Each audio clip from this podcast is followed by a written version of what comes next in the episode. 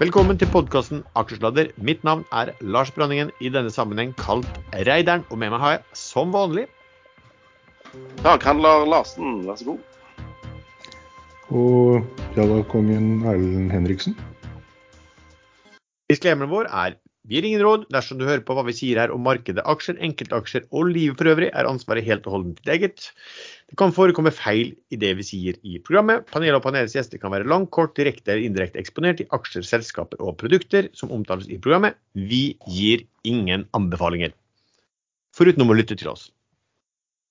OK, eh, skal vi starte der vi bruker, da? Sven, med å høre hva du har gjort eh, den eh, siste uken på børsen? Ja, det kan vi godt starte med. Jeg har handlet aksjer en masse. Fordi at nå er det litt volatilitet i markedet, og det bejubler vi som vanlig. Jeg har kjøpt og solgt NRS, jeg har vært med i to emisjoner. Jeg har handla Hexagon Purus, kjøpt og solgt. BWO, kjøpt og solgt. Eh, økt litt i Ega, tror jeg jeg gjorde. Kjøpt flyraksjer, eh, lånt ut flyraksjer eh, og ikke tegna flyraksjer. Og så masse andre småting òg som jeg ikke husker.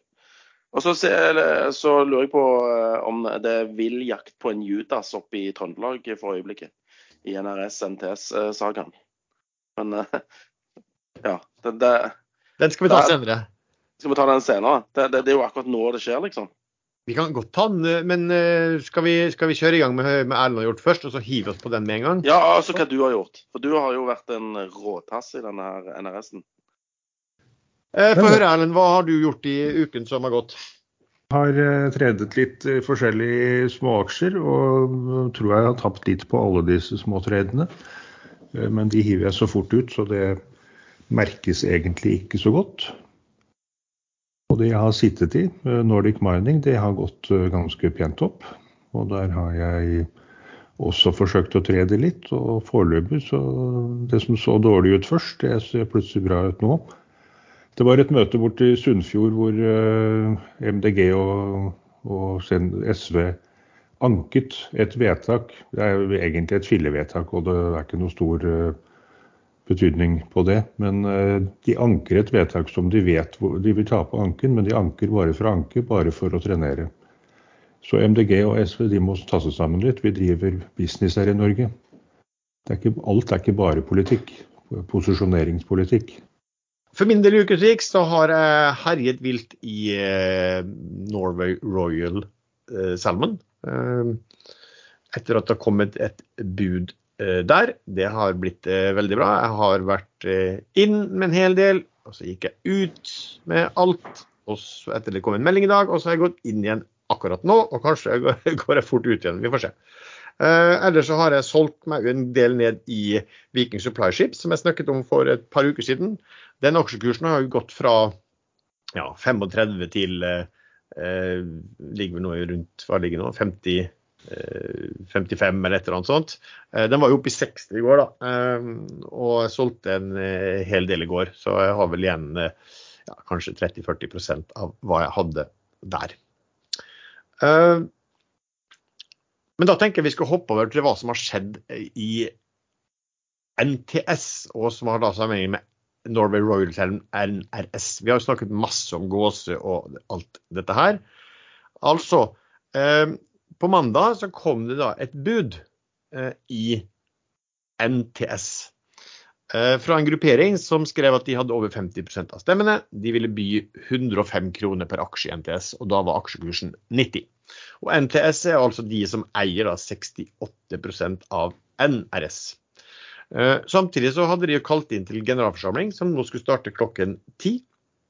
Og eh, da hadde de foreslått eh, at Gåsø, som var, eide 37 og sønnen hans, og noen som ble oppfatta som han er, skulle helt ut av styret, og at de selv skulle ha egentlig alle syv plassene.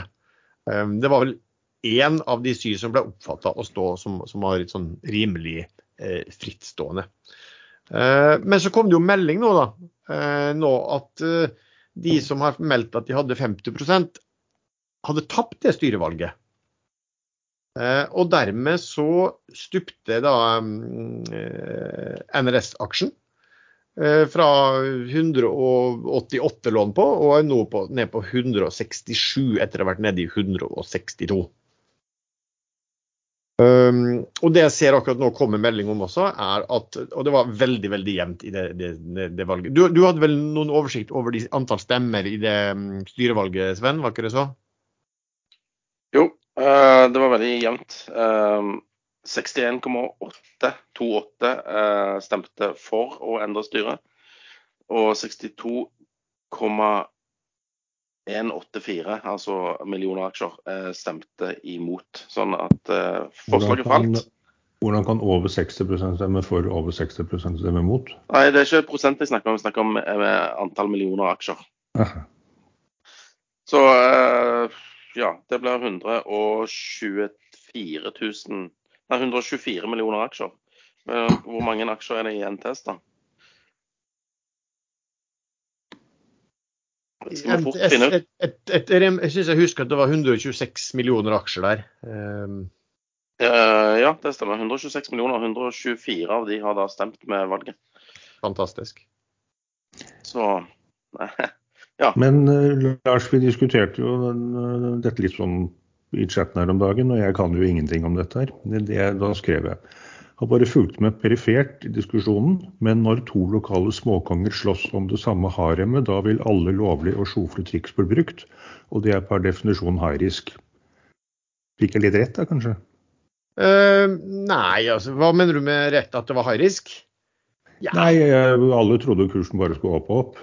Her var det jo snakk om 270 og 280 kroner som var nesten garantert.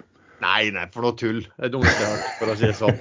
Uh, det har vel vært sånn, ja, uh, men det har vel vært sånn at altså, Historien var jo da at, uh, at NTS fikk kjøpt, kom seg opp i 68 andel av NRS etter å ha lagt inn bud på selskapet. Um, vi har snakket en del om det. Det var Hele den budprosessen og alt det som skjedde der, forekom ganske grisete kan ha sett litt sånn planlagt ut. Eh, men det du har helt rett i, er jo at her har, altså dette her er jo litt sånn eh, DNB, det, Dagens Næringsliv skrev om dette her som litt sånn Gordon Gekko. Eh, for først skjer det. Så skal man begynne å slå sammen og skal begynne å gjøre emisjoner i Norway Royal Salmon, der aksjonærene allerede, sannsynligvis de minoritetsaksjonærene, er lynforbannet. Så kommer det bud på NTS, der de vil hive ut Altså, de skrev da i, i, i i meldingen at det kom en bud om at de skulle som, ja, forbedre corporate governance. Eh, og da ville de altså um, kaste ut eh, han som eide 37% og hans medsammensvorne. Eh, noe som vel ikke er akkurat det beste corporate governance, for å si det mildt. da. Dette her, som jeg har lest rundt omkring på det er noe som heter ilax.no, som er et sånt bra sted så, så, virker det som om, disse 50 litt, som sannsynligvis har litt mindre, de, de, de, kommer fra Rørvik eller fra Namdalen stort sett, mens Gåsø er fra Frøya. Og det, det er også snakk om her liksom, tydeligvis hvor skal en del av virksomheten og kjernevirksomheten, kanskje arbeidsplasser og sånt, eh, ligge også. Det har i hvert fall vært skrevet. Men, men, så gjorde disse 50-prosentige det enda rarere for seg sjøl. For de skrev i, i, i, meldingen om bud på, på 105 kroner at en ting de tydeligvis da vurderte, var å selge aksjene videre. Som ikke akkurat gjør at kanskje folk har lyst til å ta et sånt bud. Men det budet har jo ikke kommet ennå. Men hva, hva, tenker du Sven, når du har sett alt det her, og du har sikkert sett den, den Wall Street og Gordon Gekko. Hva, hva, hva, tenker du om oppførselen til de ulike i, i NTS og NRS og alt det som er? Nei, jeg tror vi må, må, tilbake til Bibelen for å finne noe verre. Eh, fordi at eh, Hva kan ha skjedd her? Eh, de har flagga over 50 og Det vil jo bety, hvis de da stemte likt, eh, som altså denne budgjengen, så ville de jo fått flertall for et nytt styre i generalforsamlingen. Så jeg lurer på om, eh, om, eh, om det har foregått en transaksjon med ca. 30 sølvpenger i en eller annen retning her. Så det, det, det, er lenge siden det har hatt sånn action på, på Oslo Børs. Vi må vel tilbake til eh, kampen om Kosmos med Blystad-brødrene mot uh, etablissementet. Man vet jo heller ikke hva de ulike vil, da. Så, så du, du, du, sier sølvpenger. Et annet alternativ er jo at noen har vært litt frimodig i, um, i matematikken sin. da. Har funnet ut at de eier over 50 sammen og ikke har gjort det. Kanskje en litt sånn Rørvik-matematikk eller Namdals-matematikk som man har kommet med, som, er, det, som betyr å legge på litt. For, Men bud, ligger ikke det i Møre og Romsdal? Bud. Det ligger Bud. eh, rett innenfor uh, Bjørnsund fyr, tror jeg det litt, heter. ut, litt utenfor Molde ligger det bud. Ja. Der har jeg vært. Bodd på det fyret.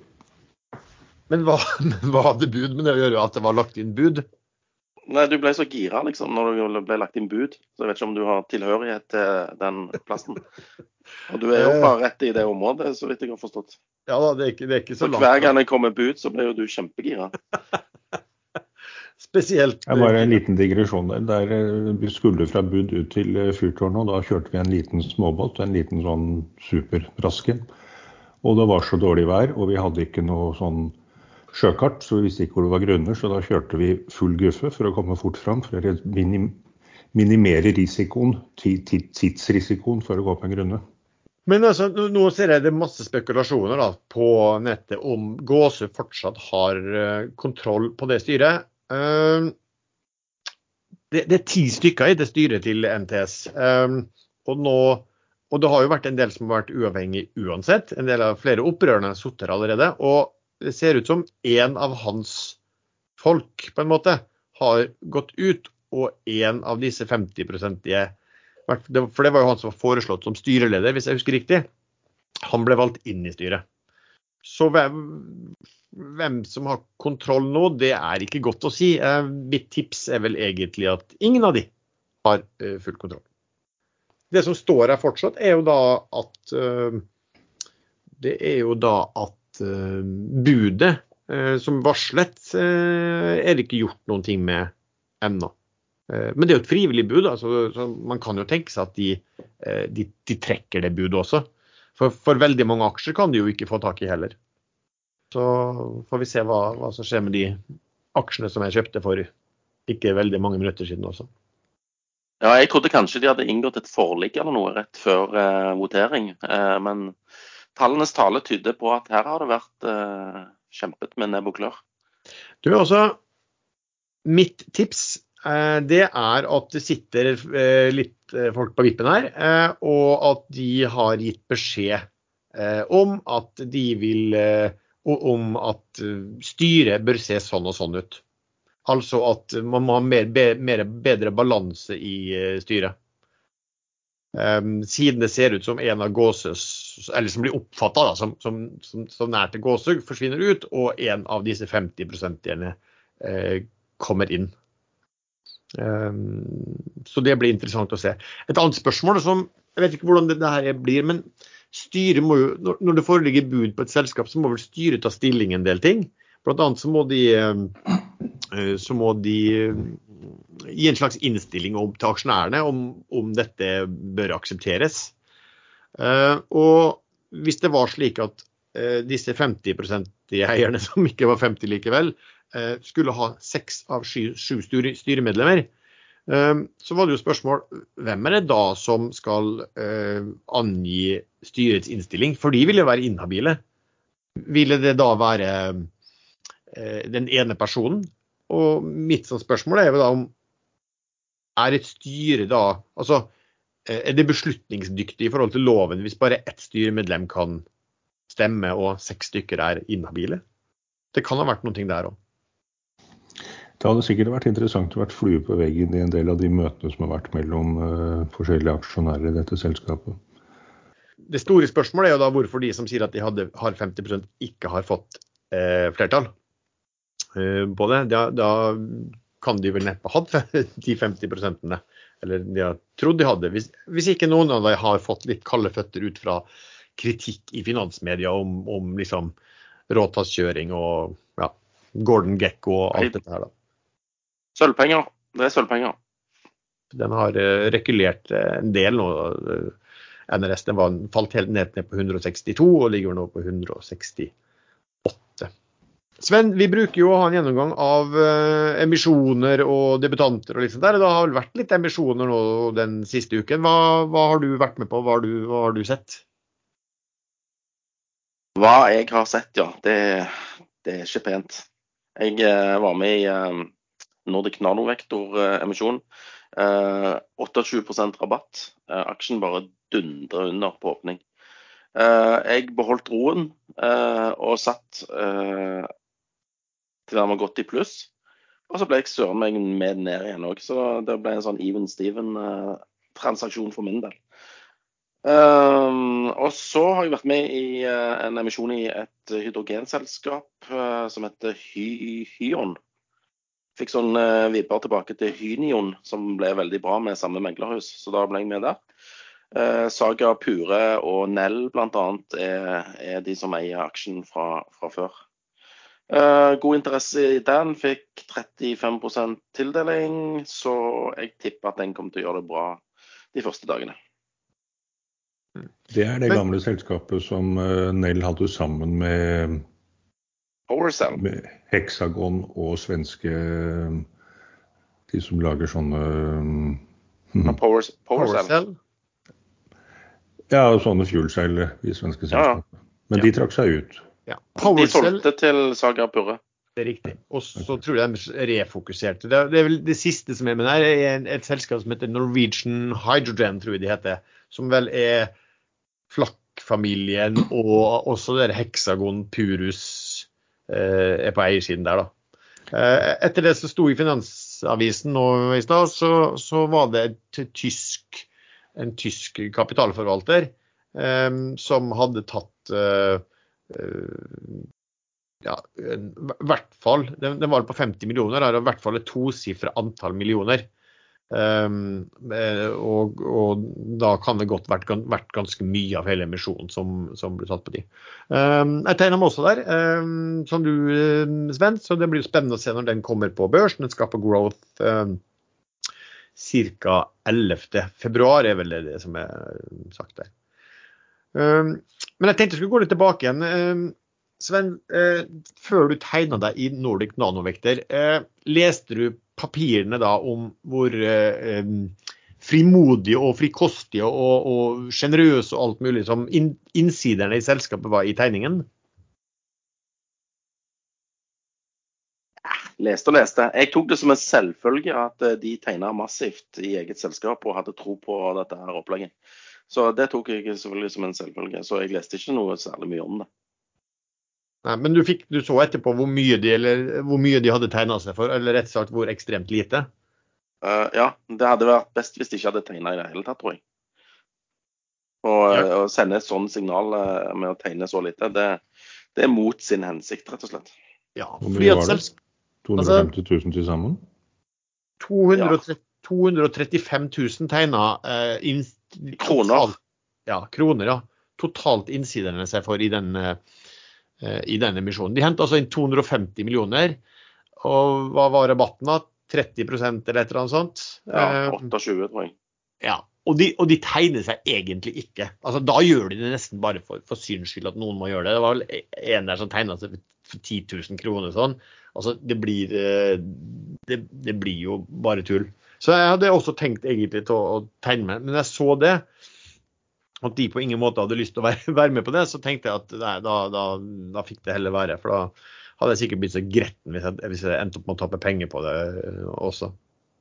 Nå er kursen på 1369.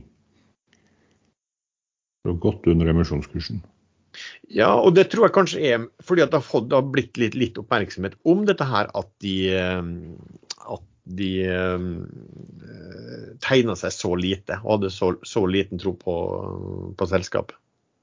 Men eh, jeg får lyst til å nevne, i Norge har jo hatt en ekstrem suksess i eh, farmabransjen, og det var jo Algeta. Den uh, surret rundt en stund, og så var den ned på ni kroner, mener jeg det var, uh, før jul. Og så gikk den 50-gangeren i løpet av et år.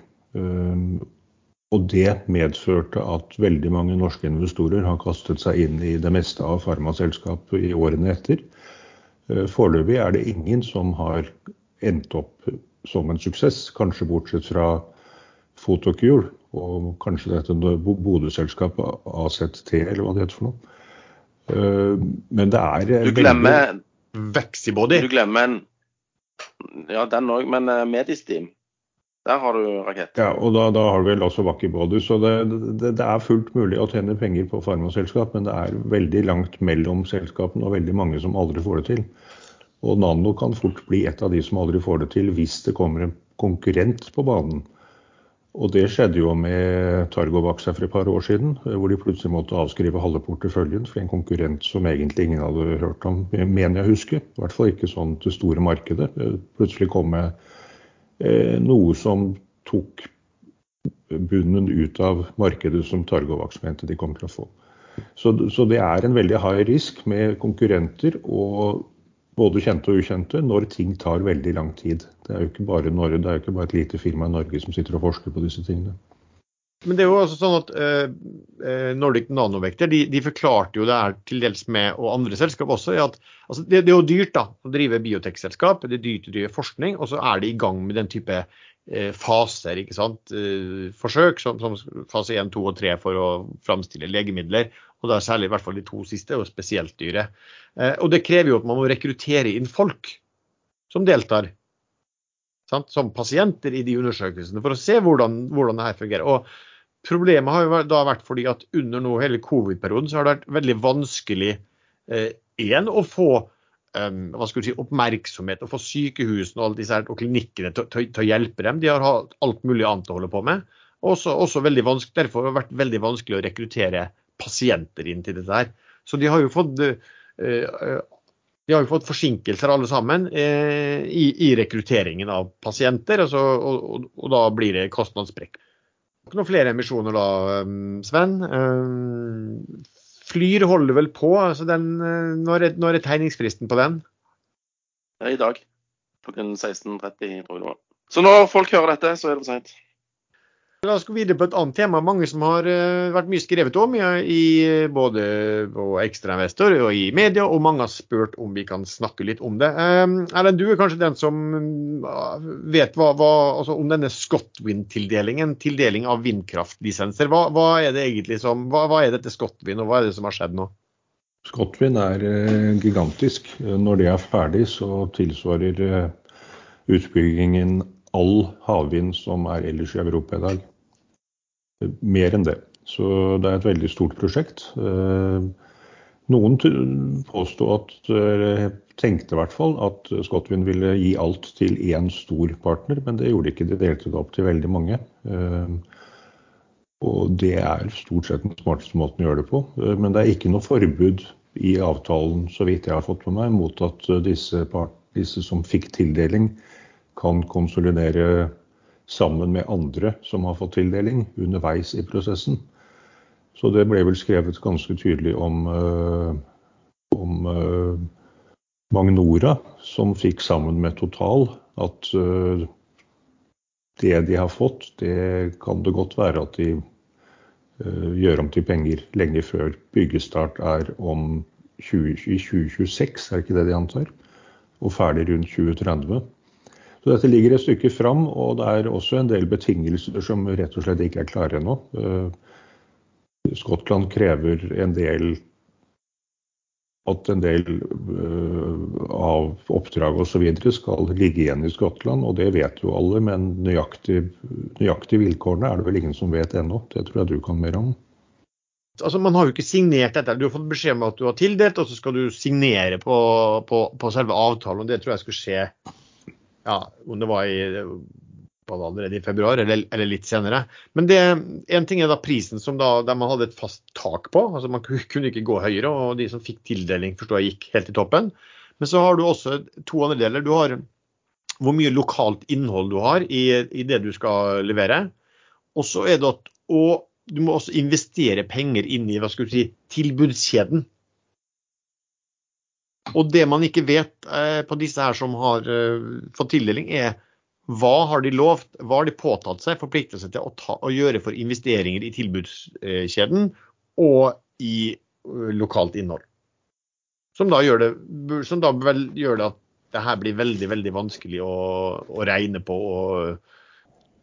det er som å gå ut på, gå inn på et, et, et etablissement og ikke vite hva de forskjellige tingene der inne koster.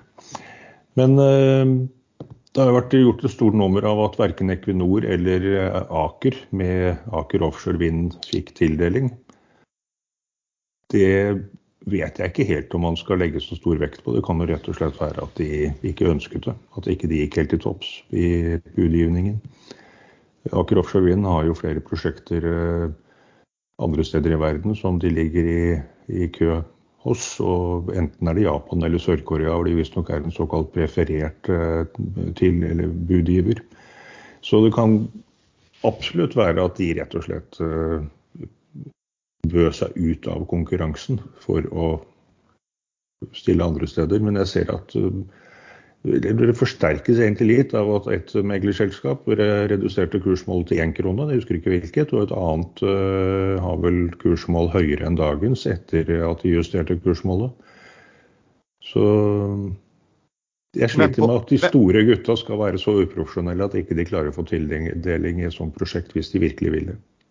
Nei, de uttrykte jo stor skuffelse i, i media, Aker Offshore Wind jo, men det er jo sånn grønnvasking-greie. At nå skal jo alle vaske seg grønne og være med på alle mulige sånne prosjekter. Men det er ikke sikkert at de egentlig mener det.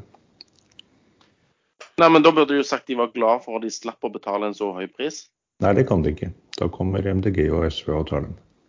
Nei, der tror jeg, altså husk på børskursen den har jo falt ganske dramatisk for dem i etterkant. Og, og, og de har jo gitt uttrykk sjøl i presentasjonen at dette var en særdeles, altså dette var en av de viktige, store og viktige tildelinger som de håpet på å få. Um, da putter vi min teori i konspirasjonsskuffen, ja. da. Min, jeg har en sånn liten teori kanskje på hvorfor de altså Aker, jeg vet ikke hvem de var sammen med, men det er noe med lo lokalt innhold her. da mens Aker kanskje hadde veldig stor andel av det som skulle gjøres, skulle komme fra andre Aker-selskap, kanskje? Jeg mener Aker bød sammen med et tysk selskap, var det ikke det? Jo, noe Ocean et eller annet som, som også fikk en tildeling på egen hånd på, på, på, et, på, noe, på, et annen, på en annen lisens eller annen type.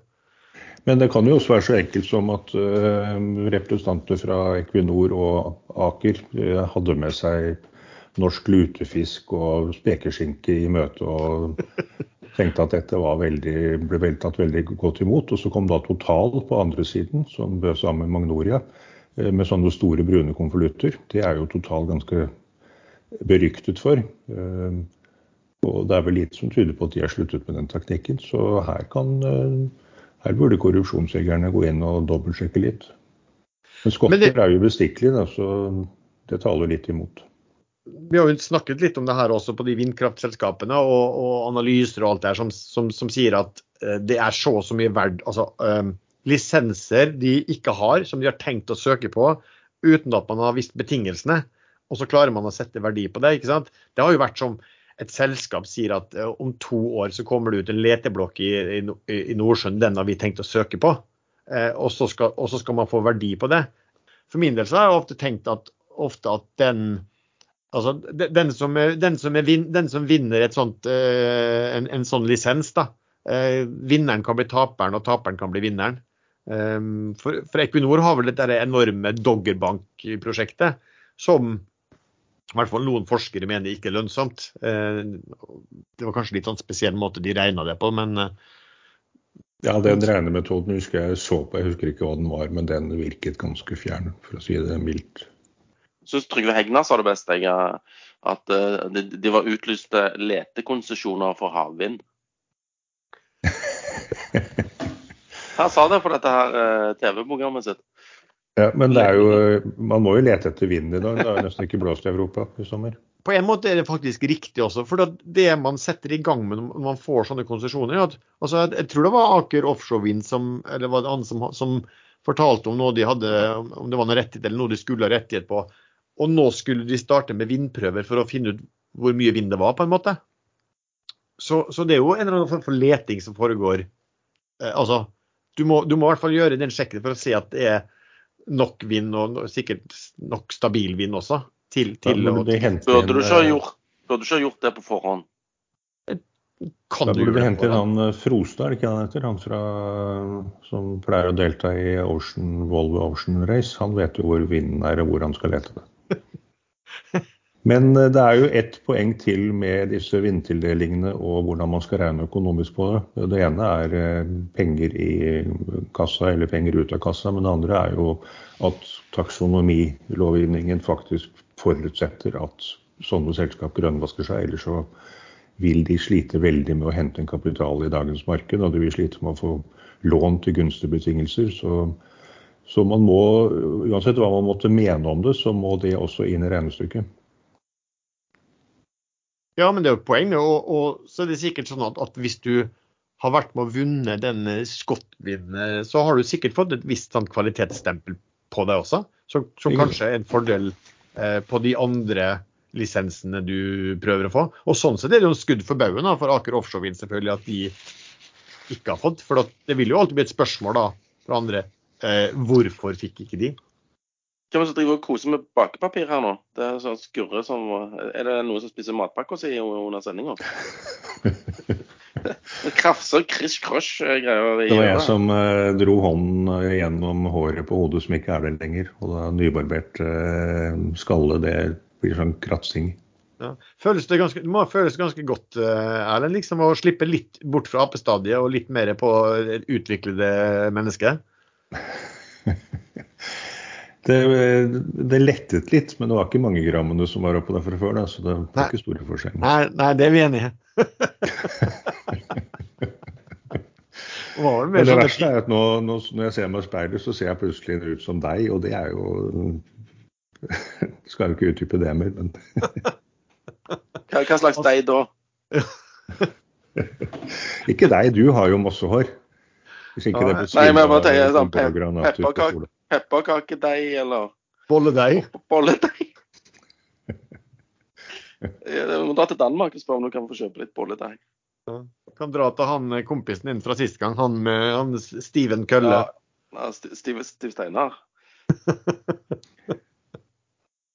ja. Nei, men jeg syns denne sendingen er under pari, så jeg må heve oss et par hakk.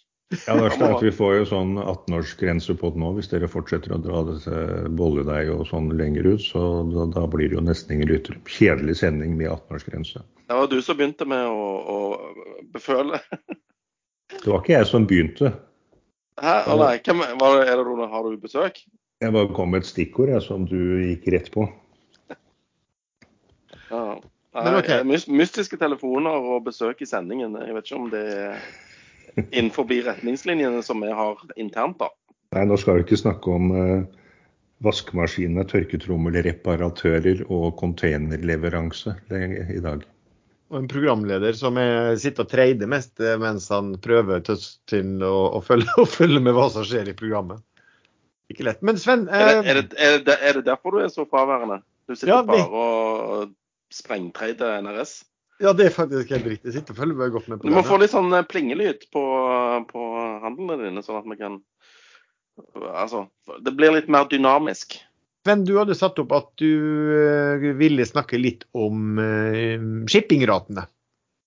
Jeg har bare registrert at bulkratene, tankratene ikke minst, alle typer, LPG-ratene, LNG-ratene alle ratene faller, og de faller kraftig. Det eneste som holder seg, eh, er jo container og, og sikkert òg bilfrakt, som er lengre, lengre varighet på.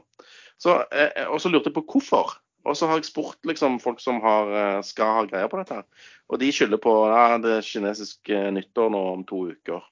Eh, og det kan òg være at Kina har stansa masse import pga. at de skal arrangere OL, og, og vil liksom eh, prøve å få litt eh, renere luft i, i, forkant av dette. her. Så hva tror dere? Hvorfor eh, faller ratene overalt? Altså Tankratene er negative med 5000 dollar dagen. Det skjønner jeg ikke går an engang. Hvorfor de ikke bare legger skip i opplag, da. De har vel håpet på at det skulle bli en enda større produksjon, kanskje. Men altså, OPEC har jo holdt sin plan, de. Så jeg, jeg, jeg, kan liksom ikke noe om det seilingsmønsteret, om, om, det har noe med hvor de lastene går. Det er jo ofte sånn som, sånn som skjer. På LNG-siden har vi jo sett det, da. At eh, raten har falt mye, mye fordi at plutselig nå går gassen til, eh, i mye større grad til, eh, fra USA til Europa. I stedet for at det går fra USA til Asia. Ja, det, det, den har jeg òg skjønt. Men de lengre LNG-ratene holder seg på et høyt nivå. Ja. Eh, altså De, de kortsiktige, altså spotratene, har falt kraftig, altså. Ja. Men har ikke dette noe med at omikron kom ganske overraskende på, og kanskje flere hadde posisjonert seg for at samfunnet skulle åpne opp igjen mye, og at uh, havnenedstengninger i Kina osv. ikke lenger skulle bli et problem, og plutselig så ble det mye verre enn det var? tørrbulk så var det vel snakk om noe, noe Altså at Indonesia, som var vel en stor sånn, sånn eksportør, eksportør, av kull, var det ikke det? Eh, at de eh, ville skulle, skulle trekke inn liksom eksportrettighetene i en periode, i hvert fall. For å sikre landets egne, egne tilgang. Um, og, ja. Men har, en del av de ratene har jo vært veldig høye, da. Så det er kanskje ikke ja. rart at, at spotten faller tilbake. Jeg hørte noe om at, at det var masse sånne oversvømmelsegreier i, i Brasil òg, som la en demper på eksporten derfra. Det kan jo òg stemme. Mm.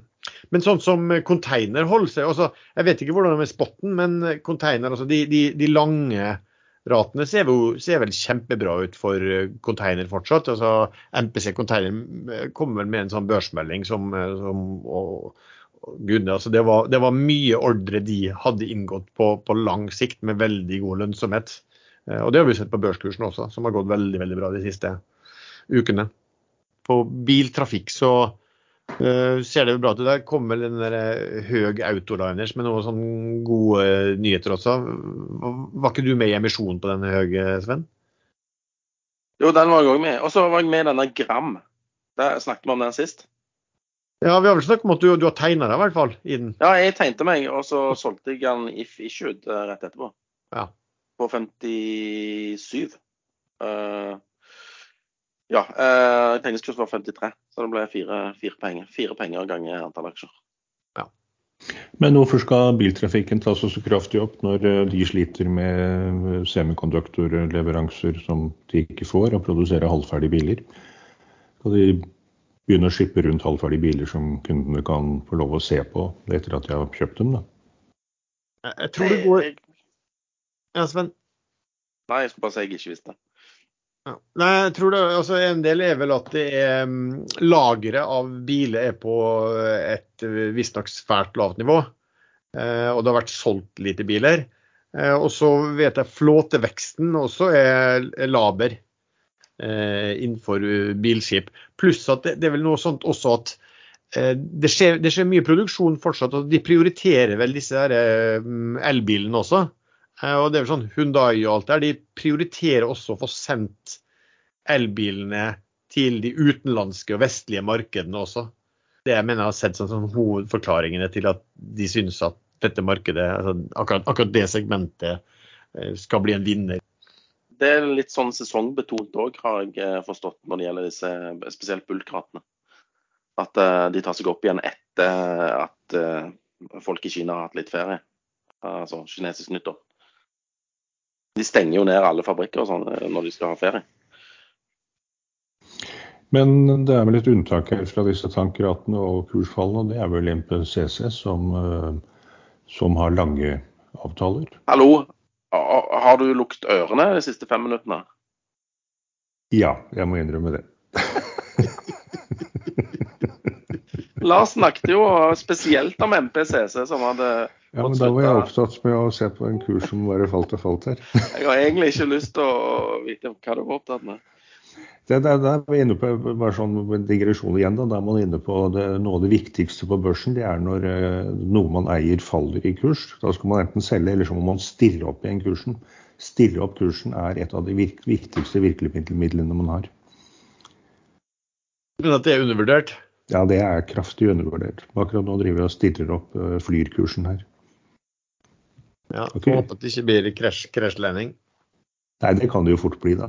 Det var det Sistner sa nå, etter at han før har sagt at Flyr skal overleve fordi de har så god kundeservice. Nå sa han at de skal konke, men SAS konker først. Burde ikke en konkurs i SAS være bra for Flyr, da? Jo, hvis SAS konker før Flyr, så konker jo ikke Flyr, vil jeg tro. Nei, det er jo noe å tenke på. Men SAS konker jo ikke. Eh, Sverige og Danmark klarer jo ikke det selskapet konke. Nei, men kanskje de reduserer flåten sin? Det kan skje. Og det er vel ikke helt umulig at Arbeiderpartiet, som de har sørvalget, antyder antydet før blir med på en ny emisjon i SAS heller. Så av en eller annen merkelig grunn tror de det skal være en god idé. Fikk akkurat en mail fra Witzer. Eh, det er jo et selskap som har gjort det fantastisk bra og vokser, og har vel også taklet eh, koronatiden veldig bra. Eh, de kom med en sånn 10-12 punkter som hvorfor man skal velge dem. og Ett var at de flyr kun direkteruter, ingen mellomlandinger. De har nesten bare de nye og nyeste flytypene. Lavt drivstofforbruk, så de grønnvasket seg selv veldig i den mailen. Og mange av punktene var faktisk helt korrekte òg. Ingen unødvendige business-klasse-seter som tar større plass. Og de flyr ikke tomme fly for å beholde slotts som de mente var bare tulleargument osv. Så, videre. så Witzer er eh, Jeg har lisensen for det selskapet. Jeg har aldri hatt noen aksjer der. Jeg vet ikke om man får kjøpt de her, det får man sikkert kjøpt, men eh, de har gjort veldig mye riktig. Som vanlig så har vi fått en del spørsmål fra lyttere. Og en del har vi vært uh, inne på også, uh, men vi kan ta noen spørsmål her. da, På et spørsmål um, Hva tenker dere om å gå inn i selskap som ikke har særlig analysedekning? Sven? Jeg har egentlig ikke tenkt på det før du stilte spørsmålet. nå. Det er vel Skagens, uh, var vel gamle Skagens Ja, UUU underanalysert, upopulær og underprisa. Ja. Det, det, det, ja.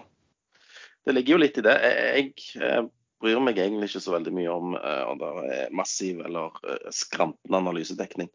Men uh, det er ikke før aksjen begynner å falle at du begynner å, å, å lete etter, etter den denne, ikke baderingen, men den livbøyen, for å finne ut om noen mente noe annet. eller om de mener det samme som deg. Så nei, jeg tenker ikke så mye på det. Jeg vet ikke hva dere gjør. Nei, jeg eh, syns det er fantastisk å finne selskap som eh, nesten ikke er på radaren. Men jeg har sluttet eh, å kjøpe disse og holde disse i årevis, sånn som jeg gjorde de syv-åtte første årene av min børskarriere. Det gir sjelden uttelling. Men uh, finne dem og ha dem på watchlisten. Og med en gang det begynner å komme litt uh, volum og litt moment i de aksjene, så, så, blir de ofte veldig, veldig bra. For min del så tenker jeg at det, det er veldig bra, jeg, fordi at jeg liker å gjøre analysen selv. Og sjansen for at du oppdager noen ting som kanskje ikke andre har oppdaget, um, øker jo selvfølgelig når du ikke har noen analytikere som ser på det. Sven, har du fått med deg hva Finanstilsynet har eh, vært ute og sagt om Euronext Growth? Ja, de kom jo med en rapport i går, var det vel, som sa at uh, alle sin ordning. Men uh, det, det, var litt kontrollorganet, uh, som er eid av meglerhus, hadde gjerne ikke gjort alt det de skulle gjøre. da i forbindelse med disse børsnoteringene. Er gjerne litt lite folk til å, å, kontrollere ting og tang, men det er Euronext Growth, liksom. Det, det, er, jo en, det er ikke en børs engang. Det er jo eh, en markedsplass, men ikke en børs. Det ble nok litt underkommunisert da de, da de ble startet. Ja, det, det, det er jo regler å følge der òg, men uh, de hadde vel ikke funnet de helt store avvikene, men uh, de var litt bekymra for denne, dette kontrollorganet, da, så vidt jeg forsto.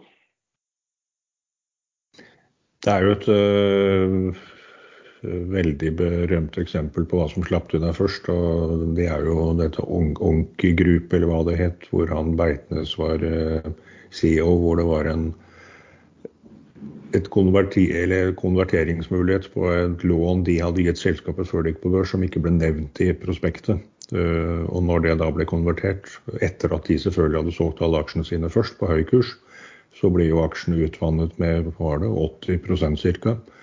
Og kursen stupte, og det endte med en stor børsport. Og så fortsatte det like etterpå med at selskapet ble avnotert eller kastet ut av, av den gangen het ikke Growth, men het noe annet. Så Veldig bra at Finanstilsynet går disse etter i sømmene og prøver å rydde opp i dette. her. Og så må de få slutt på den eh, idiotiske forskjellen i meldeplikt eh, på forskjellige hendelser i selskapet. Det er ingen grunn til at man må vente tre dager med å melde innsidekjøp eller innsidesalg. Det syns jeg man kan gjøre helt likt som på Oslo Børs. Det de gjorde på, når de satte opp data Euronext Growth, var at de har eh, noe de kalte Euronext Growth Advisors, som egentlig har gjort skulle gjøre litt av jobben som, en, som børsen ellers gjør på vanlig børsnotering. Dvs. Si at de skal bistå selskapet med forberedelse, og disse growth advisors skal da utarbeide, altså kvalitetssikre selskapet og aksjens altså egnethet, utarbeidelse, dokumentasjon og, og bla, bla, bla. Og, og. Men problemet er jo da at disse Euronext Growth Advisors, som kanskje ikke så overraskende, det består omtrent bare av meglerhus. Eh, og de samme meglerhusene er jo da tilrettelegger. Så det betyr liksom at, og det er jo det tilsynet hengt opp i, at, at, disse har jo da en, en interessekonflikt. Fordi at eh, de er også rådgiver og tilrettelegger for selskapet, og det er der de tjener pengene. Samtidig så skal de liksom ivareta børsen sin kontrolloppgave og, og, og investorene sin tillit til markedsplassen, eh, sier man. Det, men Oslo Børs har vel gått ut og sagt nå etter det at de skal stille krav nå til at det skal gjøres en uavhengig juridisk og finansiell due diligence i alle opptaksprosesser. Med andre ord eh, Bukken og havresekken og den biten der, det blir det litt, eh, litt slutt på. Men det vil jo også øke terskelen fra å gå dit, for dette er jo ikke gratis. Det har jo vært en av grunnene til at man velger Growth, fordi det er Igjen så er det veldig billig å startbørsen, eller å bli notert der. Ikke børsnotert, men notert. Og nummer to så har det vel vært noen fordeler med, med utbyttebeskatning. Nå kommer det en, en, melding. Det er altså han som hoppet av eh, opprøret. Han eh, var den som var foreslått som styreleder. og eh, det han sier da, er at eh, Og det er tydeligvis, altså dette er tydeligvis en som har fått litt kalde føtter, vil jeg tro, da, etter Eller, eller noe annet. Han har ja. fått noe annet. et, et, et, han sier jeg kunne ikke tatt på meg ansvaret som styr, styreleder i denne situasjonen, og valgte derfor å stemme mot forslag til grupperingen som vi selv var en del av, sier han da. Her er det enten vært kanapeer og champagne og litt løfter om en uh, flott feriereise, eller så har, det vært en sånn honeytrap, tenker jeg. Men det han da sier er at han ønsket eh, Han er altså eier jo aksjer i NTS, og han er styreleder i et eh, selskap som også eier ca. 1 da. Så han kontrollerer litt av 1% Han sier da at han ønsket minnelige løsninger i denne saken. Og det å bygge bro mellom grupperingen og finne løsningene for selskapets beste. Så han sier at han har presset og presset.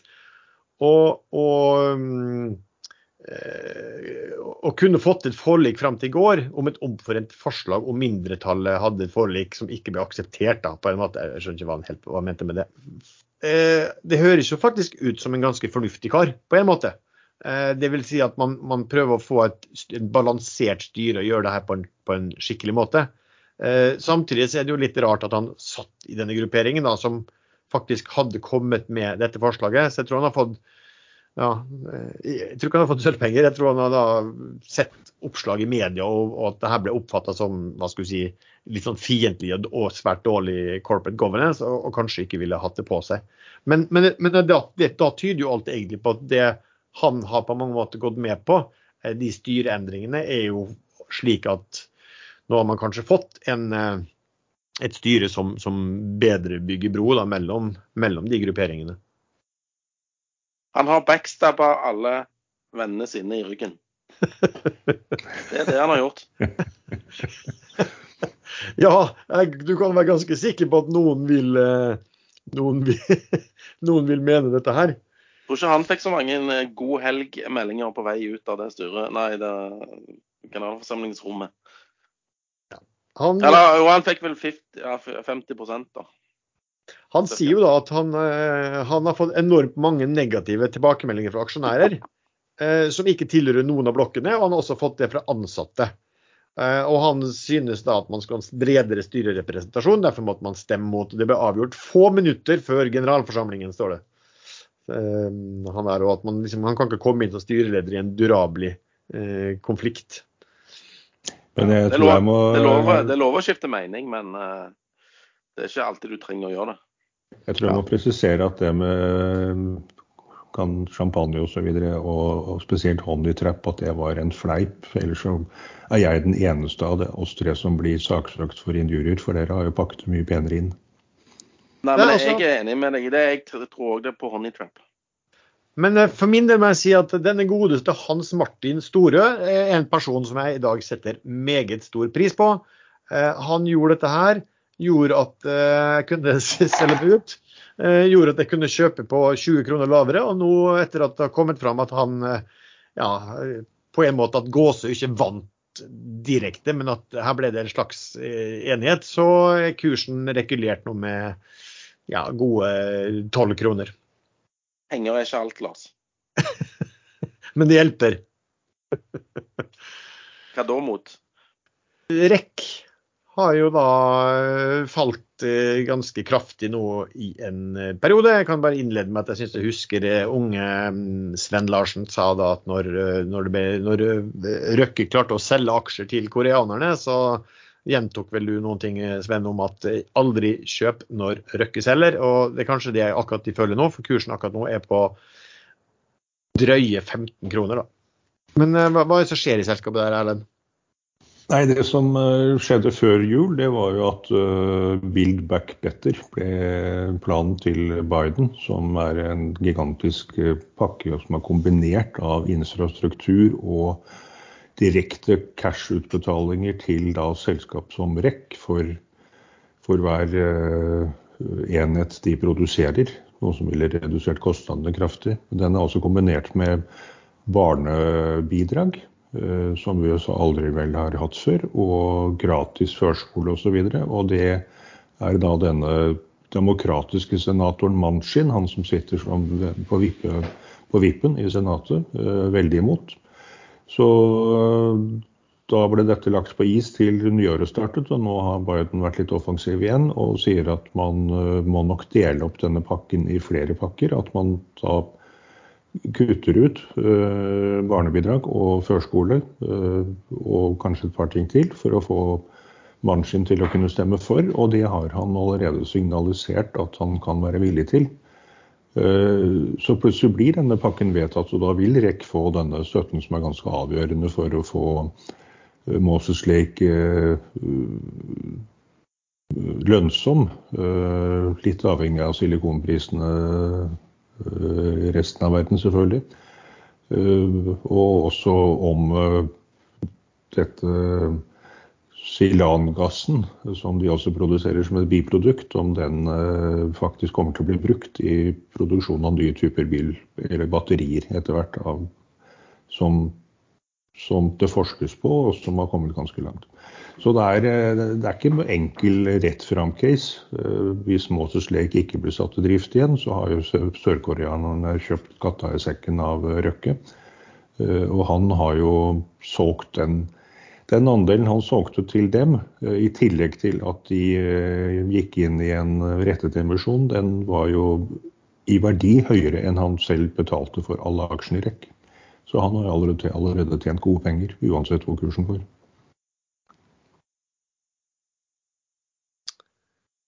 Ja. Eh, Sven, året 2022, blir det det store året for verdiaksjer, tror du det? Kanskje. Eh, det er ting som kan tyde på at eh, teknologi er litt ut, og så skal verdiaksjer eh, være inn. Kommer helt an på rentenivået og hvor mange rentehevinger og, osv. vi får, tror jeg da. Men tilba litt tilbake til denne NTS-NRS-greiene som vi ikke har snakka så mye om i dag. Eh, han her, eh, avhopperen, eh, han vil vel heller ikke være med å by på NTS mer, tror du det? Eller hva tror du skjer med det? Det ser sånn ut, for han, han sier det som, styr, som styreleder, han. Så eh, og, og, og det er jo bare altså, Hvis de hadde 50% så har de 49% uten han. Så det jo, jeg vil jo tro at de på mange ingen måte eh, lar det budet falle bort. Ok. Men eh, har ikke alt løst seg nå, da? Eh, og alle er happy og venner? Det som var litt rart der, var jo egentlig at hvorfor skulle de gjøre en sånn sak når de likevel har, det liggende inn i et bud? Ikke sant? For det er en gruppering som har lagt inn et bud. Eh, de kunne jo bare la styr, altså de, var kanskje redda for hva det eksisterende styret kunne finne på. Du, Erlend, det har kommet nyhet. I går så kom det en børsmelding fra, eh, fra Custer som eh, hadde inngått avtale med noen nation, noen, noen indianere i Canada om et eller annet. Hva, hva er det de har meldt? Ja, eh, vi indianere har man ikke lov å si lenger. Og det ordet som brukes er da First Nation. Eh, de har kontroll over egne landområder og kan der egentlig i henhold til canadisk lov, eller i hvert fall loven ekvisterer, gjøre, eh, ta sånne avgjørelser selv. Og de har inngått et samarbeid med QSTR, QSE, om å starte et prøveprosjekt, et pilotprosjekt på denne, dette som CEO Binion kaller for uh, clean gas, eller jeg husker ikke helt uh, ordet. Uh, hvor man da kombinerer med CO2-lagring osv. Og, og skal kunne produsere gassen uten CO2-avtrykk i det hele tatt. og da begynner For det første så kan det se på at han har gitt myndighetene i USA et skikkelig ballespark ved å gå bakveien via uh, urbefolkningen. Uh, som, som Canada, som Quebec sannsynligvis ikke klarer å stoppe, ut fra det jeg har lest. om dette området ligger i Questels lisensområder eller ikke, det er jeg, litt, det er jeg ikke sikker på. Jeg holdt på å si litt usikker, men det er det ingenting som heter. Enten så vet man det, eller så vet man det ikke. Eh, men hvis det ligger i QUCs lisensområder, så, så, begynner det faktisk å bli vanskelig for, eh, for Quebec å argumentere med at eh, disse har null verdi, hvis de nå klarer å skape verdi. Og kanadisk ekspropriasjonslovgivning, også Quebec, er ganske klar på at det er verdien som skal erstattes, og ikke ikke en sum de selv kommer med et forslag om å erstatte. Men sånne ting blir uansett forhandlinger. og uh, Hvis USA får et bud på bordet, så må de jo vurdere om de skal ta én uh, fugl på taket, eller om de nei, en fugl i hånden, eller om de skal sitte og vente på ti fugler på taket i fem år eller ti år, som en sånn rettssak sikkert vil ta. Så ingenting er sikkert ennå. Dette er bare et uh, utspill. Og som en canadisk avis skrev, at dette er et spark mellom beina. Og det er vel det vi på norsk kaller et ballespark til regjeringen i, i Quebec. Eh, og Den er jo kursen, dagens vinner men syns du liksom er det naturlig at den kursen skal stige mye på det, eller er det, er det veldig usikkert? Nei, det er, eh, Dette er jo da hva man må vurdere som aksjonær eller potensiell aksjonær, om, om dette øker sannsynligheten for at det blir en rask avgjørelse og stor utbetaling til QUC, eller om det heller motsatt øker sannsynligheten for at det nå settes en emisjon i QUC ganske raskt. Eh, jeg heller selv til det siste, og har derfor ikke kjøpt på denne oppgangen. Fordi jeg tror at en emisjon kan bli satt under dagens kurs, men man vet aldri hvor høyt den kursen pumpes før en eventuell emisjon blir satt. Og jeg legger trykk på at det er en eventuell emisjon. Dette vet vi ikke ennå. Mm. Um, han, eh, Toppsjefen der, han Binjen, han er jo en, hva skulle du si, en høyeste grad en, en, en spesiell fyr. Eh, skal ikke man snakke sånn eh, politikk her, da, men eh, eh altså eh, De er jo ganske avhengige da, av myndighetene og, og, velvilje fra myndighetene eh, i Canada. Og, og, og, at det styret der tillater å ha en, en toppsjef som offentlig på Twitter retweeter og sprer så mye grums og dritt og vaksinemotstand og, og desinformasjon og hån om eh, politikerne og, myndighetene, eh, det er egentlig bare helt utrolig. Så sånn, det, det, er et bra selskap og, og har vært artig å, å spekulere i det. Men altså, at man kan sitte i det styret der og, og bare tillate det grumset der, det synes jeg bare, det er bare helt utrolig. Det tror jeg ikke hadde skjedd i et uh, skikkelig seriøst selskap. Jeg vet at du har sett litt på det, sett litt på hva han holdt på med også, Erlend? Jeg er helt enig. Det er Jeg skjønner ikke at styret tillater det. Sven, du har jo vært litt irritabel når ting har gått uh, mye oppover. og Nå har jo da børsen uh, vendt ned. OBX-en så var vel ned et par prosent i Norge da den siste uh, uken. Og, og, vi har jo vært tendens vært veldig bra.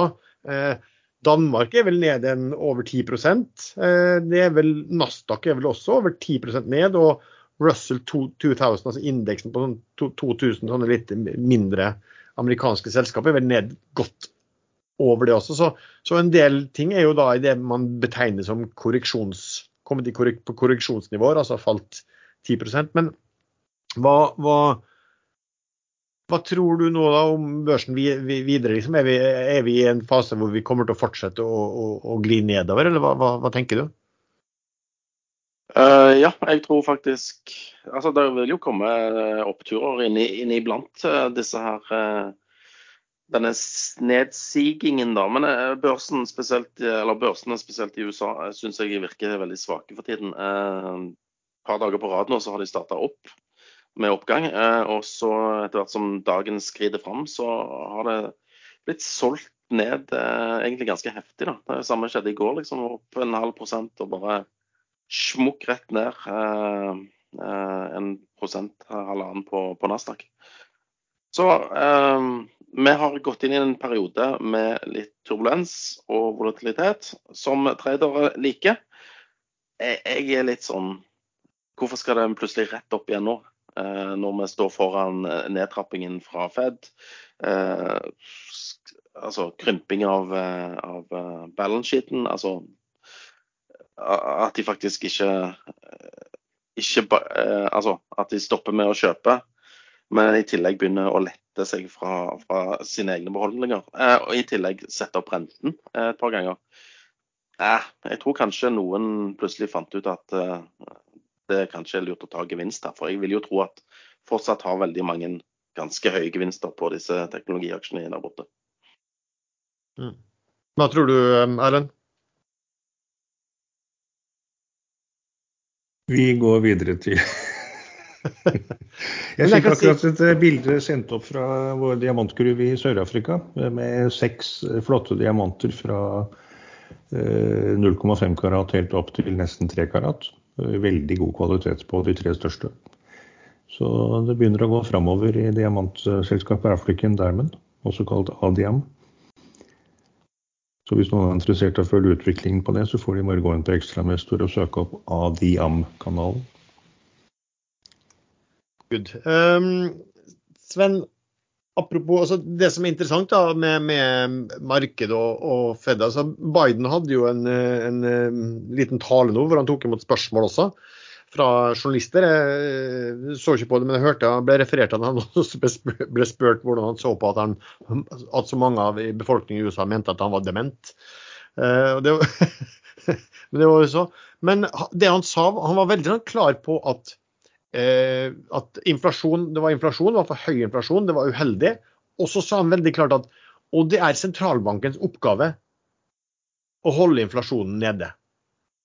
Eh, og, da, mm, og der ser du litt det her med at eh, sentralbanken nå skal bli, skal bli scapegoat, og, og, det er det ikke de så veldig eh, innstilt på, tror jeg. Så det gjør nok at de er ganske pressa her, da. Eh, i Europa så er det ingenting sånn inntil videre. Hun som er sjefen av den europeiske sentralbanken, hun, hun, virker jo ja, unnskyld meg, men hun virker litt stein gæren. Eh, for det er bare å gjøre det enklest mulig. Trykk penger hele tiden og, og for å holde renta på, eh, på null. Og så altså, Tyskland var akkurat kommet i positiv rente på, på, uh, på tiåringen sin. På, på 0,006 samtidig som det er 5% inflasjon. Men hun sa i hvert fall liksom at nei, nei, i Europa skulle inflasjonen falle kraftig i løpet av veldig kort tid. Så, så de så at man bare skulle fortsette å stimulere. Ja, men De har ikke fått politiske signaler på å stoppe inflasjonen. Nei. Men det har jo den amerikanske sentralbanken tydeligvis fått da fra politisk hold. Ja. Og, men, eh, men, den skal jo ta uavhengige beslutninger. Men det virker jo ikke som det har skjedd. OK, vi, hvis det ikke er noe annet dere har lyst til å prate om, så kanskje vi skal si litt om eh, kommende ukes eh, favoritter, Sven? I neste uke så heier jeg på et flyselskap som heter Flyr. Jeg satser og har satsa penger på at uh, vakuumteorien skal slå til. Så jeg håper for guds skyld at han gjør det. Nei da. Så desperat er vi ikke. Uh, nei, jeg, jeg, tror den får seg et uh, run uh, før de nye aksjene kommer den, rundt den 1. februar. Så jeg har kjøpt litt der og håper at den stiger etter at tegningsperioden nå er ferdig i 16.30 i dag. Ingen grunn til å holde den kursen nede. altså, Grunnen til å holde nede i dag er jo f.eks. at uh, hindre at folk overtegner en masse, liksom. Eller en masse, tror jeg det heter. Uh, også de, du mener at noen presser kursen ned ved å shorte eller selge for å få skremme vannet av andre så de ikke tenner seg, så de selv kan få høyere tildeling? Det er jo ikke pent. For eksempel. Nei, men det, du hadde vel gjort det samme sjøl, hadde du ikke? Hvis du var interessert i å få masse tildeling. Nå, nå skal ikke du svare på det spørsmålet. Du må for all del ikke svare på det spørsmålet. Jeg syns børsen skal være et uh, rent og pent sted å jobbe hvor alle, alle skal få. Ja, jeg har i tillegg uh, lånt ut uh, en del aksjer til 60 årlig rente. Okay, men, du... det kan, det, men, det er kanskje slemt av meg å calle de da før de nye aksjene er kommet. Jeg vet ikke, Er det slemt, eller er det bare Så, så du, du, setter bort møkkajobben med andre ord? Det er som å hente inn torpedo, dette her, Sven. Er litt sånn urolig, Sven, når du spør oss om noe er slemt. ja, men det er liksom Altså Hvis du spør oss om det er slemt, da, da, da tenker jeg med en gang at da, da må det være veldig slemt. Så først, så først, låner du bort aksjene til en stakkar som shorter for uh, indirekte For å tegne, for, få... for, å ta en arbitrasje på syv øre fordi at han uh, tegnet 95. Og så kaller du tilbake aksjene før han uh, når, når, kursen er på det høyeste, før de nye aksjene kommer. Dette er ja, altså Hvis aksjen stiger nå i neste uke, noe jeg tror han gjør, så må jeg jo få lov å ta gevinst før de nye aksjene kommer. Tenker jeg. Men han som lånte var ikke smart nok til å kreve sette en eh, dato for når de må leveres tilbake? Det. Nei. Nei. Det er sånn rookie, mis rookie mistake, kalles det. Og hva, hvordan, hvordan, lærer du av feil? Jo, den harde måten. Men, men først må jo Flyr stige, da. Ellers er det jo ikke morsomt. Fortsettelse følger, altså? Ja, nei, Det er ikke sikkert at jeg kommer til å gjøre det. Jo, det er, altså, hvis den stiger, så, så, så, så blir det callback, altså. Ja, nei, og så liker jeg Aega fortsatt. Uh, ja, energi uh, i Italia. Solparker. Fortsatt lavt priser, syns jeg. Men uh, jeg, jeg, har ingen andre. Håper på mass, massiv markedsnedgang som vanlig. Erlend? Ja, ehm, jeg ser at USA SNP i hvert fall er eh, svakt opp i dag. og norske børsen er ned 1 Og det er fredag, så noe sånn veldig høy sannsynlighet for krakk er det nok altså, ikke i helgen. Ja, du, jeg regner med det, det, tenker på futuren, fordi at nå er klokka ett og amerikanske børsen åpner halv fire. Ja jo. Men er, hadde, hadde, markedet fryktet et krakk, så hadde Oslo Børs vært mer enn, ned enn 1% og de andre hvordan ja, Der er det kanskje litt mer. I Stockholm er det ned 2% over det. Dax er 1,6. Men vi har olja, vet du. Den redder oss gang på gang. Ja. Men uansett, eh, jeg tror ikke krakket kommer denne helgen eh, heller. Eh, men det er vel første gang jeg sier sånn direkte, så da kommer det vel. Men jeg har eh, fremdeles eh, Nordic Mining. Eh, ligger pent i pluss og har gevinstsikret litt underveis. Og, men egentlig mer som trade, at jeg skal øke mer hvis kursen faller litt mer tilbake. Jeg er temmelig sikker på at næringsministeren kommer med et positivt vedtak på den siste klagesaken. Og så åpner det opp for at Nordic Mining da kan da ønsker å gjøres letter of intent og andre avtaler de har sånn ikke helt fast ennå. De har noen firm-avtaler allerede. Men at det kommer flere meldinger om eh, finansiering via, via nye partnere. Og på et eller annet stadium så kommer det også en emisjon, men en emisjon på stigende kurs i Nordic Mining er jeg ikke noe redd for. Eh, hvis det er eh, begrunnet med at de har startet byggingen, har fått inn partnere og er på vei oppover. Da kan den kursen gå ganske pent, tror jeg. Og har også satset penger på det. Da har jeg vel fulgt Finanstilsynets øh, retningslinjer, at man skal si hvordan man er posisjonert, og posisjonert selv, og hvorfor man tror ditten og datten. Og ingen garantier. Eh, Flyr har jeg også tatt litt av. Eh, det, det er eh, kanskje det spek spekulative bettet jeg har tatt i de siste tre årene som jeg kan min, minst om, og som jeg vet minst om. Men det man vet, er at de nå etter den emisjonen ikke trenger penger sånn umiddelbart. Det er veldig få som har snittinngang på under dagens kurs. De som hadde aksjer fra før og ble med ned for å beholde tegningsretter, de har jo da rundt 1 krone og 30 øre i tap, minst. For kursen lå vel på rundt 2,50 før den knakk voldsomt ned. Den lå jo på 3-4-5 kroner eh, før det. Eh, så det er veldig veldig få som har noe særlig lavere inngang eh, enn dagens. Når man ser på korona i verden framover, så mener jeg å se første tegn på at det begynner å roe seg ned i Europa. og Omikron sprer seg såpass fort, og sykehusene blir ikke fulle, så det er relativt god kontroll. Um, og flere og flere land reduserer nå uh, karantenetiden. Um, og det kommer også enda flere endringer på det, tenker jeg framover. At uh, fullvaksinerte kanskje ikke trenger karantene i det hele tatt. Og da kommer samfunnet til å åpne opp igjen. og da kan man jo ha flaks at i løpet av de 14 dagene eller drøye 10 dagene til de nye aksjene kommer, at uh, tegnene på at Europa åpnes såpass opp igjen, også feriemessig, uh, at Flyr faktisk kan få seg litt push på bestillinger og gjenåpnede ruter. Så det er vel stort sett det jeg kan om det selskapet. Men vakuumteori skal man se litt bort fra når det gjelder Flyr, fordi det er uh, det er vel 150% flere aksjer som kommer i emisjonen enn dagens antall. Eh, og det er ikke nok til å kjøre et skikkelig vakuum. Da må man ha sånn som i Coa og NAS og eh, andre selskap hvor det er 100 millioner aksjer og kommer eh, mange milliarder aksjer.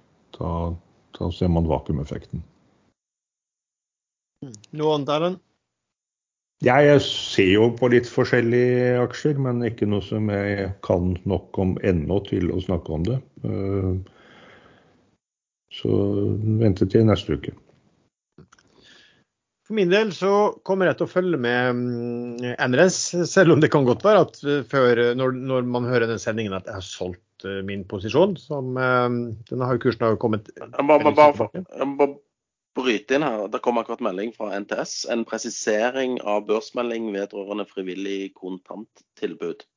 Uh, og der uh, fremgår det at der, der, kommer til å komme et uh, ja. bud. Jeg så akkurat den. fordi at Nå ble sikkert folk urolige for om, om det her betyr at det ikke fordi at I børsmelding så hadde man skrevet at man har til hensikt å fremsette et frivillig tilbud. Og nå presiseres det at et frivillig bud skal fremsettes. Så, så, det er ikke noe, på ingen måte noen endring, eh, endring eh, på det. Så, jeg, så, så, på, den måten så, så syns jeg egentlig at tesen rundt eh, NRS, eller spekulasjonen er det, den, den, den, den står seg egentlig ganske, ganske greit. Um, så får vi se. Men, men, jeg har liksom ikke noe, jeg kan ikke si noe hvor jeg, hvor jeg tror den vil gå for høyt, hvor burde den gå og sånn og sånn. Det her er nesten sånn fra time til time ut ifra de signalene som kommer fra eh, de ulike eh, aktørene der. Eh, så, så, så får man se hva man gjør. Det, det, blir, jo, det blir, jo, igjen trading.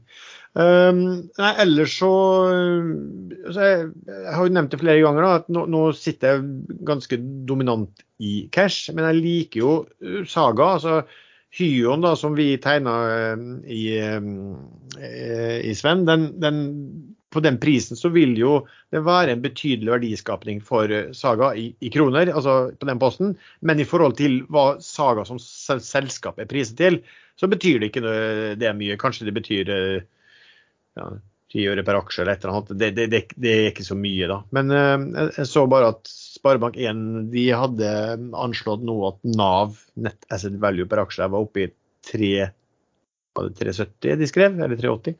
Uh, eh, og kursen ligger jo en del lavere der. Så det, det, er fortsatt en fin aksje å sitte i, sånn, tenker jeg, for, sånn, sånn langsiktig. Den er det stor tro på, egentlig.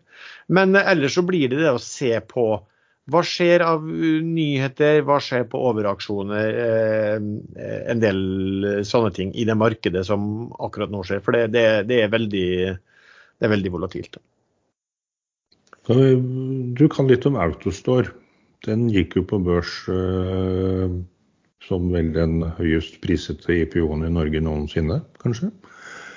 Uh, lite vestlandsfirma som bygget seg opp, og, men de ligger visst i noen sånn uh, patentstrid med et annet selskap. Dvs. Si det er vel Autostore som bestrider patentene til andre selskapet. og der kom det andre selskap med en pressemelding eh, nylig om at Autostore begynner å bakke ut, men det bestred Autostore igjen på sin side. De mener at de bare det, konsoliderer eh, disse rettssakene og satser for fullt. Men der har kursen falt kraftig. Etter at den steg veldig godt på begynnelsen etter IPO, så har den nå nå ligger den på 23 kroner. Nå husker jeg ikke helt hva IPO var, men det er ganske vesentlig høyere. En tredjedel eh, har kursen falt fra børsnotering.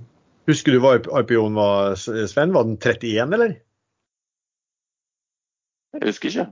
Nei. Den var i hvert fall, var på, på lavt eh, 30-tall, altså steg en del etter det. Og så eh, har den nå falt. Og, og, det er jo ja, for å si sånn, innebygd i hvert fall veldig sterke forventninger på det. Men det er riktig som du sa, de tapte vel faktisk en sak eh, i USA mot disse som de krangler med. Erlend, og så er det, foregår det da en sånn en, en tvist i England også. og Det var, var der disse andre sendte ut pressemelding om at uh, om at Autostore begynte å, begynte, begynte å, trekke seg tilbake og trekke tilbake påstander, og disse der, mens Autostore tydeligvis da ikke var uh, helt enig i det. Men, men, men, det er jo litt sånn også at uh, vi ser jo nå at type vekstselskap, altså de som ikke har inntjening i dag, uh, og forventningscase, hvis du kaller dem det, det er de, de som fremfor alt nå som får smellen på børsen nå for tiden. Um, og også hvis man som normalt er når, vi, når, når, renta begynner å gå opp, eller man tror at renta skal begynne å gå opp. Og Der var Dagsen ned 2% så det er ikke helt over denne salgs, dette salgspresset. Kom jo Netflix, Netflix, i går kom jo med horrible tall da, i forhold til forventning, og, og falt 10, var det, 10 eh, etter tallene. Mm. Så teknologi kommer til å slite i USA i dag, tror jeg, men det kan jo være at det snur opp. Oslo klarer seg som vanlig eh, bra, de. Ja, det var jo det jeg sa for noen uker siden. Hva jeg trodde. Liksom at eh, teknologi ned, og så, og så eh, olje å redde oss, da. Men du sa nei, da. Det, det, Oslo Børs må nok gi tapt. Ja, men... Og faller det mye mer, så må det, må det vel det. Ja, men den har jo falt, da. Men det er riktig at den ikke har falt på, på nær. Altså, det, det, er ganske lite når den har falt bare et par prosenter, egentlig. Ja, ja. Det har jo vært, Equinor for eksempel, har jo vært, og Aker BP og sånne selskaper har jo vært beinsterke. Når nabolandet Sverige og Danmark er det jo ned tosifret i år. Ja, Danmark så, Jeg vet ikke hvordan det er med Sverige, men så Danmark var vel ned 11% for en dag eller to siden? Jeg tror Danmark og Sverige var vel 12 i går, og nå er det ned et par prosent i dag. Men ta det litt, litt med forbehold. Men uansett, uh, Norge er litt sånn ensom øy i Europa. Det kan jo ikke være noe annet enn olje og gass som medfører det. Nei. Og det interessante, oljeprisen, altså Brent målt i norske kroner, var faktisk på all time high for et par dager siden. Så lykkelandet. Det meldes om, eh, om eh, ville tilstander i champagnemiljøet i Stavanger òg for øyeblikket.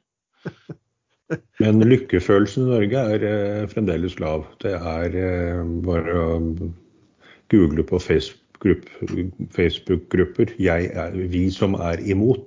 Så dukker det opp strøm og vindmøller utenfor svenskekysten som man kan se så vidt fra fra Tjøme og deg. Det er ikke måte på. Man er imot alt for tiden. Det er, eh, så den uh, kupp uh, svarte svanen min, den kommer til å slå til i år. Men det, kanskje ikke i Norge. Kanskje i Norge òg. Spetalen blir diktator. Han er imot det meste. Ja, jeg er ganske glad. Og jeg blir spesielt glad hvis vi klarer å bli ferdig med denne sendingen snart.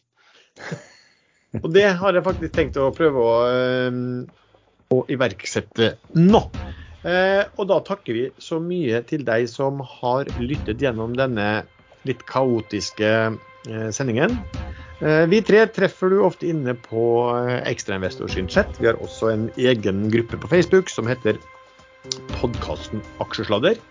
Musikken er som vanlig laget av sjazz.com, og vi høres. Jeg har litt klipping for om jeg ser det. Ja, det kommer, kommer ikke før på søndag, denne. Bare en kort spørsmål til deg, Sven, før, ah, ja. sånn du må klippe bort, Lars. Eh, hva med